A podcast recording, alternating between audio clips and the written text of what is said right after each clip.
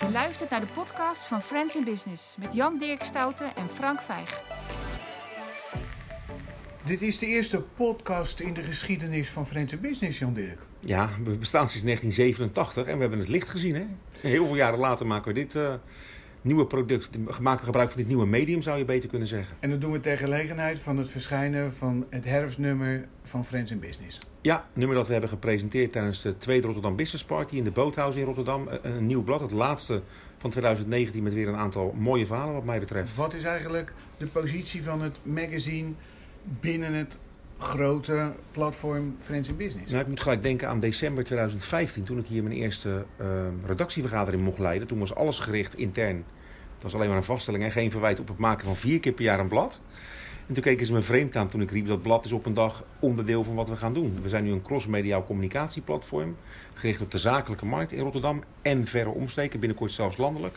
Gaan we ook nog even over praten zo, denk ik. Maar uh, we maken elke dag online berichtgeving. Dat magazine blijft ongelooflijk belangrijk. Mensen kennen het blad. Oplagen van bijna 15.000. is te vinden in heel die regio. is van 30 jaar. Hè? Ja, ongelooflijk. Knap gedaan van Jan D. Zwart en Sjaak Troost. En ja, daarnaast naast die online even, uh, activiteiten, het magazine, hebben we ook allerlei evenementen. En we maken zo'n mooie kruisbestuiving tussen al die middelen. En we groeien nog steeds.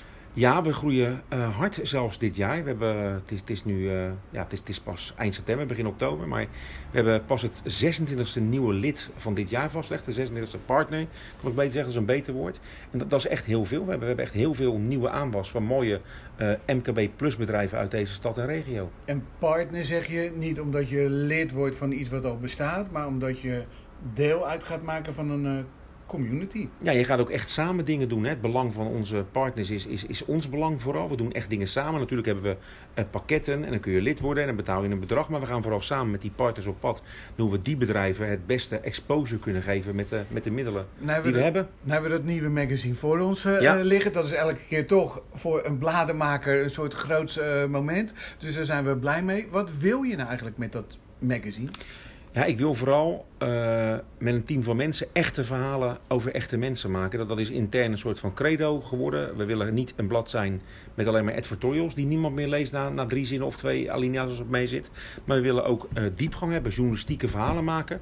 Natuurlijk betaalt een aantal bedrijven om in dat blad te staan. Maar we hebben uh, mede door jou ingegeven, vooral door jou ingegeven, een soort van journalistiek credo. We zijn niet onafhankelijk, maar wel geloofwaardig in de berichtgeving. Dus ik geloof er echt in dat als Wim Milder een aantal nummers geleden zegt: Het is mijn droom om teammanager in de Kuip te worden bij Feyenoord. Dat dat meer gelezen wordt. Dat hij gaat praten over de omzetstrategie van, uh, van de vrienden van Axel. Mooi bedrijf trouwens. Maar dit was persoonlijk, dit was grappig. Dit, dit wekt de aandacht van mensen. Het valt op.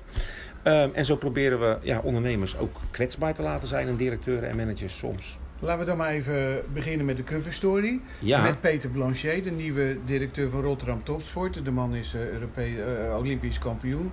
500 interlands gespeeld. Maar ook hij was kwetsbaar. Welke zin bedoel je dan met name? Nou, als hij uh, spreekt over zijn eerste Olympische medaille ja, ja. in Barcelona. 92. Wij waren daar met hem, ook ja. in Friends and Business uh, verband, met Rotterdam Topsport.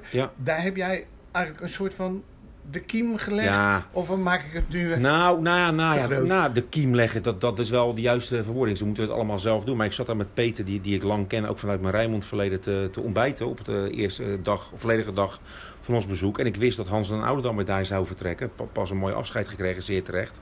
En ik zei tegen Peter, is dat niet voor jou? Want die organisatie heeft ook wel in een bepaald opzicht een impuls nodig. En jij, jij kent de wetten van topsport, bent zelf een winnaar gebleken in je carrière. Misschien hebben ze jou wel nodig. En daar filosofeerden we over. En later zijn die echt met elkaar in contact geraakt. En is het uh, goed gekomen. Dat is vooral hun verdienst. Hè? En wat ik kwetsbaar vind, dat die eerste Olympische medaille, wij zijn met hem terug geweest in die zaal waar hij dat uiteindelijk uh, bereikte.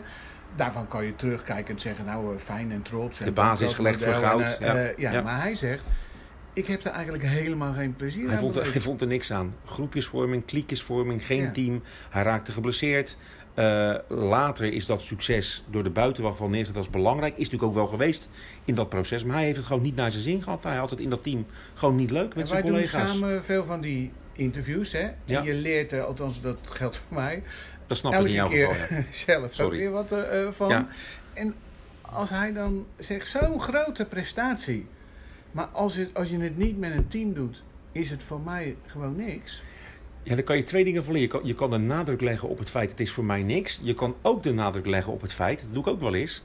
Uh, dat het ook kan als je niet per se een vriendenteam bent. Want ook over het team dat goud pakte, ja. dat was in de media een beetje harder gemaakt dan het werkelijk, in werkelijkheid was. Met Joop Albeda als ja, die komen niet bij elkaar op uh, verjaardagen. Nou, dat is niet helemaal. Ze hebben elke jaar nog steeds een reunie. Al die jaren later heeft Peter wel dat komen ze echt nog één keer per jaar bij elkaar. En de een staat daar natuurlijk uh, frisser in dan de ander. Ja. Maar dat, dat was niet uh, een ultiem vriendenteam. Dat, dat is ook een les wat mij betreft. Ander punt wat hij zegt. Wedstrijden die we hebben verkloot. Zelfs de details daarin. Dat herinner ik me als de dag van gisteren. Terwijl de dingen die heel goed zijn gegaan, dat, dat voel ik ook nog wel. Maar de, de, die, die contouren zijn toch vager. Nou, terwijl je dit zegt, vraag ik me af. Uh, jij, jij, werkt veel met Willem van Hanegem. Die, die heeft die, die afwijkingen ook. Een, prettige afwijking, dat je nog momenten precies voor je kunt halen. Misschien is dat wel het kenmerk van de echte winnaar. Ik weet niet of dat zo is, maar het zou zomaar kunnen zijn dat je, dat je toch ook met terugwerkende kracht nog bezig bent wat het toen beter had gekund. Dat je te weinig onderweg geniet van het mooie en van het succes. We doen niet alleen aan uh, zaken, maar ook aan uh, cultuur. We hebben een uh, kunstrubriek. Jan Donia maakt die ja. uh, voor ons. Die heeft dit keer Karin Stro geportretteerd met een bijzonder levensverhaal. Ja, die werkte bij uh, Nauta Rutiel. Na een studie is ze daar zeven jaar gaan werken. Een, een groot bedrijf, gespecialiseerd in arbeidsrecht, zoals ja. iedereen weet. Ja, en, die, en die dacht op een gegeven die moment... dacht, is dit, ja, ja wat, hier heb ik het niet zo heel erg leuk. Nee. Ja, als student droom je daar misschien van om bij zo'n corporate, in zo'n corporate omgeving ja. terecht te komen. Maar, um, maar ja, ja, gaat die niet leuk. Kooi maar eens uit. Nee, ga er maar eens uit. Daar heeft ze lang aan getwijfeld, heeft het wel gedaan, heeft ontslag genomen en is kunstenaar geworden. Dat, dat, dat is wel een heel bijzondere uh, carrière move. Uh, fotoacademie gedaan, fotomuseum heeft ze nog een tijdje gewerkt. Willem de Koning Academie gedaan. En ja, ze is gefascineerd door, ja, wat is haar specialisme? Uh, naakte mannen. Ja, daar wordt ze enorm door. Daar heb ik uh, niks aan toe te voegen, geloof ik. Nee, maar wel, het, het, het gaat om het verhaal. Hè, dat je bij, bij zo'n groot bedrijf werkt, denk heel de wereld, jij hebt een auto van de zaak, heb je een goed salaris, heb je een dertiende maand, is alles ongeveer zeker. En dan kies je voor een onzeker bestaan. Als kunstenaar vind ik goed gedaan door Jan Donia. Peter Goedvolk, dat is iemand die dat ja. soort problemen helemaal niet uh, kent. Nee. Die heeft de schaapjes wel op het droog gemaakt voor ons. Uh, in elk magazine een column. En komt aan het eind van zijn column in dit magazine tot een uiterst opmerkelijke. Ja, dat is wat mij betreft gewoon hard nieuws. Hè? Ik denk dat ook dat, dat, dat andere media dat nieuws wel op gaan pikken. Voor de mensen die hem niet kennen, de man die ooit aan de baas stond van Argos Oil, is een van de allergrootste Rotterdamse ondernemers. Een man ook met een groot maatschappelijk hart voor die stad. Dat zeggen mensen ja, dat is makkelijk als je geld hebt, maar hij deed het ook toen hij het zich niet kon permitteren. Maar die, die heeft met een aantal mensen, uh, John de Vos heeft daar een belangrijke rol in gespeeld, maar ook andere mensen uit, uit uit uh, het Kralingse. Die, die hebben het, het CAIO gered een aantal jaren geleden. Dat is een groot internationaal hippies evenement. Dat bestaansrecht had, maar dat bestaansrecht gaandeweg aan het kwijtraken was. En hun model is als het ware, laten wij daar nou de metropool Rotterdam, die grote uh, regio, als het ware in het klein nabouwen in zo'n evenement. Dus iedereen die wat te vertellen heeft in het zakenleven, internationaal, lokaal, uh, landelijk, in de uh, politiek, in de wetenschap, in het onderwijs, in de, in de cultuur die moet daar zijn en die moeten een rol spelen. En dat is er gelukt. Ja, en, en die zijn er ook. En wat het bijzonder knap is, dit is een aantal dagen, een hele kleine week per jaar is dat maar. Onlangs was er een EK, was ook qua setting een beetje anders. Uh, ze houden dat evenement ook levend in de weken en maanden dat er geen hippies uh, sportevenement is. Dus dan komen ze met alle bijeenkomsten bij elkaar. En wat hij daar zegt, dat hij wel eens mijmert, een beetje nadenkt over wat hij wil in zijn leven, wat hij kan doen met zijn toch macht en invloed, laten we die woorden in zijn geval toch maar gebruiken. Ook al gedraagt hij zich daar nooit naar, wil ik er wel bij zeggen. Dat hij, dat ja, eigenlijk ja, zijn handen jeuken misschien wel een beetje om dat bij Feyenoord te gaan doen. En ik denk dan maar, als zo'n groot zakenman die voorzet geeft, zou ik hem als ik Mark Hoevermans was en lid was van de raad van bestuur in de Kuip, en Sjaak Troost en de zijne, zou ik hem heel snel inkoppen. En dan ik gaat zou... het dus niet om hem, even alle duidelijkheid, nee. maar de beweging die hij tot gang... Uh, die beweging, hij wil, hij wil, zijn kennis delen ja. uh, met, met, met mensen in ja, de Kuip. niet alleen hij, maar het hele evenement. Het hele evenement. En ja. daar zitten mensen in die zeer vermogend zijn, die middelen hebben, die die start een warm hart toedragen en die, en die willen uh, die, die club helpen. Ik vind dat een, een bijzonder gebaar waar ze gebruik van zouden moeten maken. Een andere grote man in een ander gebied, zou je eigenlijk kunnen zeggen, is Ad Scheer. Ja, Ad Scheer. Daar hou je van, hè, voor die man? Ik vind Ad, ik had hem gisteren nog aan de lijn. Ad, Ad krijgt twee nieuwe knieën in één jaar tijd. Dan ben je er maanden uit en Ad werkt het liefst negen dagen in de week. In zijn uh, horeca-ondernemer in de Krimpende Waard. Uh, woont in, afkomstig uit Berk en Wouden, een klein dorpje. Net voorbij Krimpen aan de IJssel. Je Lekkerkerk en Schoonover. Wim Kok, ja. Jouw kleur is dat, hè? Niet mijn kleur. ga ik wel de biografie van Joop den L lezen, heb ik pas besloten. Nou, Wil ik graag doen. Dat eh wens ik je een klein, toe. Een klein zijspoor. Ehm, fascinerende man vind ik dat. Ad Scheer is ondernemer, horeca-ondernemer. Heeft onder meer Hotel de Arendshoeve. Heeft een aantal andere zaken in, eh, in, in, in die regio. En heeft ehm, een groot netwerk, is daar gekend. Organiseert ook tal van zaken, loopt voorop. Maar heeft in Lekkerkerk een koffiezaak, een koffietentje. En werkt daar met 140 mensen die eigenlijk eh, verstandelijk beperkt zijn. Die moeten eh, eigenlijk naar dagbesteding, moeten andere dingen doen. Staan vaak aan de zijkant van de maatschappij. Maar hij geeft ze daar een baan, geeft ze perspectief, geeft ze toekomst.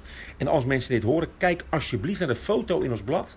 Ja, Van Ad met een van die mensen. Het is een mooier dan mooi. Prachtig. want fotografie speelt een belangrijke rol Ja, ons magazine. de, de, de helft van ons magazine bestaat uit foto's. Dat mag wat mij- mij betreft nog een beetje meer worden. Dat zou ook naar 60% mogen. Natuurlijk zijn teksten, verhalen zijn belangrijk. Maar mensen gaan lezen aan de hand van het feit of ze een foto aansprekend vinden Maar of niet. foto van Ad Scheer, die trots die Ja, hij eh, Vertedering. heeft en de blijdschap van iemand die bij hem werkt, Ja, prachtig. ontroerend. Nee, ontroerend mooi. E- Echt heel mooi.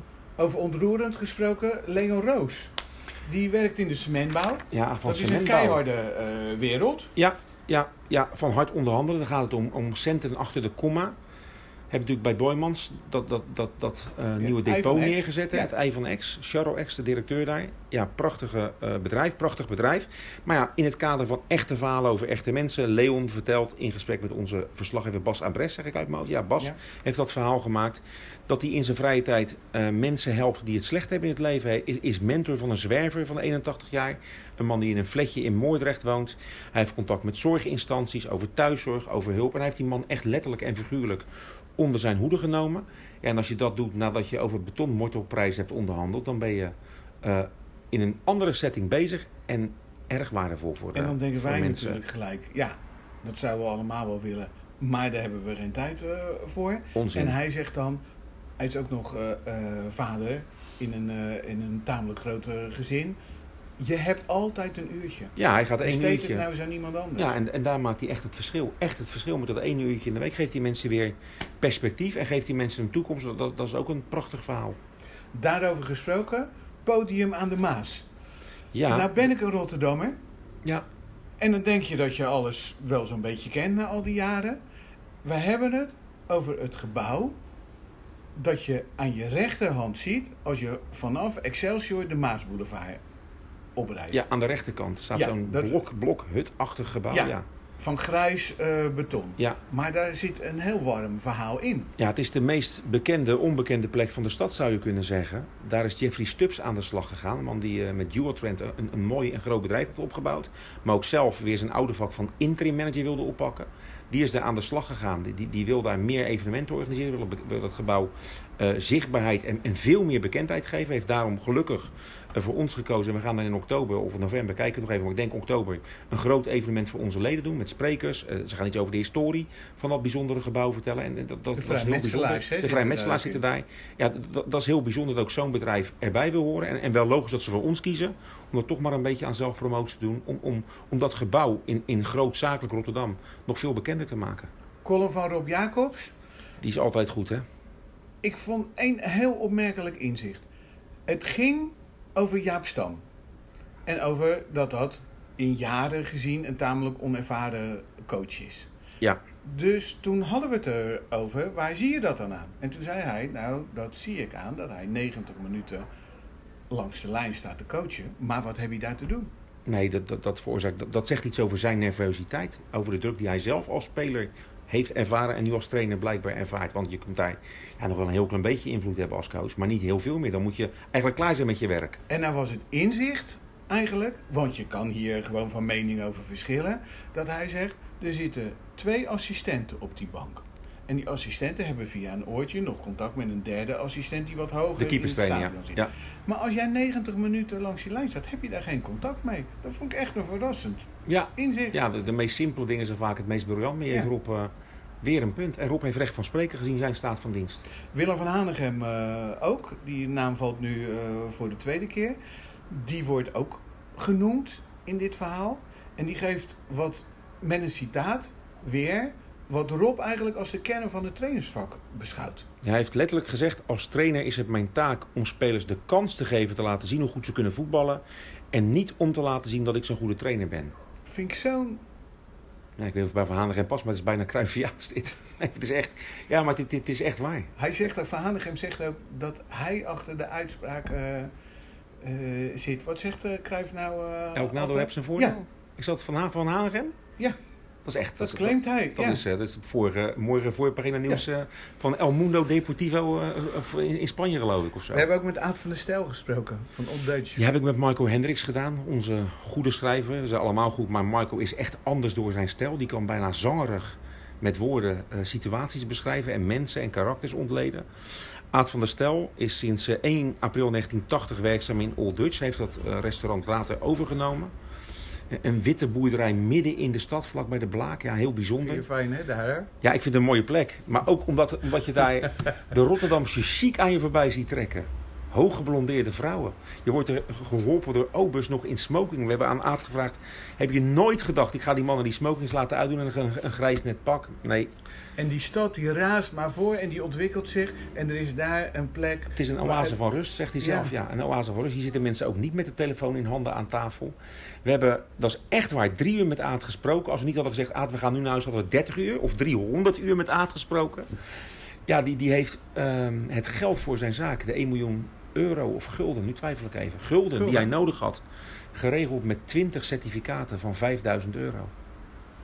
En dat, heeft Dat is te weinig, bierveeltje- 200 natuurlijk, 200 ja. 200, ja. 200. Heeft hij op bierveeltjes eh, eh, eh, ja, een agreement, een contract met mensen Ja. gemaakt. Op de achterkant van bierveeltjes, Willem van het Woud, over grote Rotterdamse ondernemers Ja. gesproken, is voor hem cruciaal geweest. Hij heeft veel mensen geholpen, hè? Heeft erg veel mensen geholpen, ook Aad. Ja, en hoe de, hoe de Ober eh, eh, een grote Rotterdamse horecaondernemer werd. Ik, heb wel het gevoel dat hij een beetje toewerkt naar zijn afscheid.